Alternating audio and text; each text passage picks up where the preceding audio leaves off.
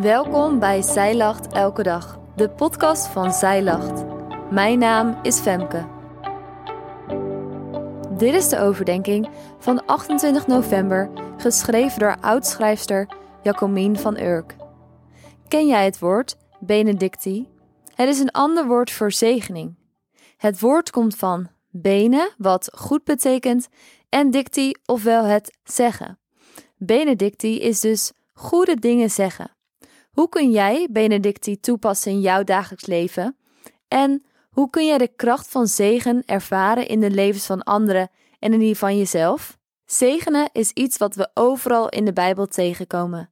Het begint al bij Adam en Eva. Lees maar na in Genesis 5, vers 2. En het gaat de hele Bijbel door, van Abraham tot David, de discipelen en de apostelen. Misschien heeft jouw oma of opa het wel eens tegen je gezegd: De zegen van de Heer, die maakt rijk. Denk ook aan de zegen die elke zondag klinkt in de kerk of aan het einde van de dienst. Maar wat betekenen zegenen nu eigenlijk en welke kracht heeft dit in het dagelijks leven? In de Joodse traditie beginnen gebeden bijna altijd met Baruch, gevolgd door verschillende namen van God. Baruch betekent gezegend. Gezegend bent u, God van het heelal, of gezegend bent u, koning van de aarde. De gebeden beginnen dus met het zegenen van God. Voor het eten, bij het naar binnen gaan van een huis of een synagoge.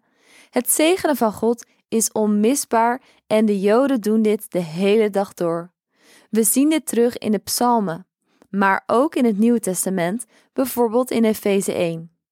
In Efeze 1, vers 3 tot 4 staat: Gezegend zij de God en Vader van onze Heer Jezus Christus, die ons gezegend heeft met alle geestelijke zegen in de hemelse gewesten in Christus, omdat Hij ons voor de grondlegging van de wereld in Hem uitverkoren heeft, opdat wij heilig en smetteloos voor Hem zouden zijn in de liefde.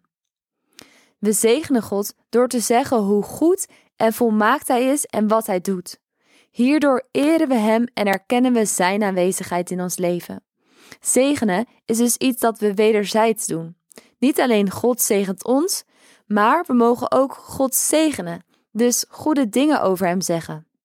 Niet alleen mogen we God zegenen, we krijgen ook de opdracht om elkaar te zegenen. Even terug naar de Joodse traditie. Elke sabbat bijvoorbeeld worden de kinderen door hun ouders gezegend en de vrouw door haar man. Op die manier geeft de man de zegen van God door aan zijn kinderen en aan zijn vrouw. Deze zegeningen gaan verder dan de gezinsleven. Spreuken 11 heeft het zelfs over de stad die verheven wordt door zegen. In Spreuken 11, vers 11 staat: Door de zegen van de oprechte wordt een stad verheven, maar door de mond van goddelozen wordt ze met de grond gelijk gemaakt. Jij bent dus geroepen om te zegenen.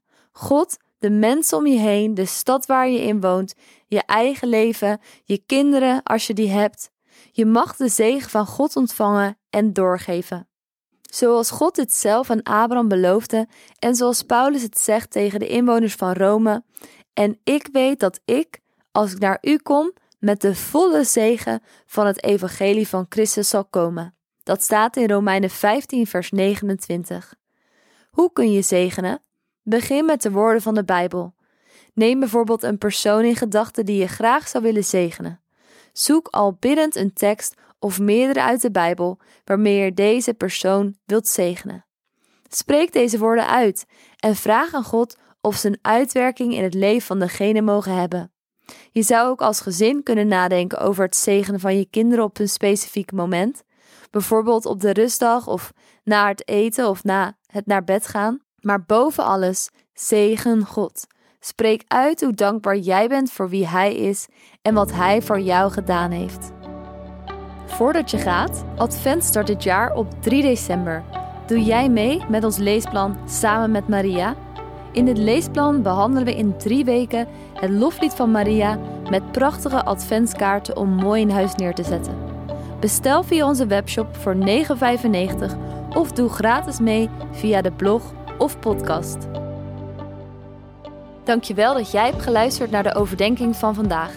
Wil je de overdenking nalezen? Check dan onze website.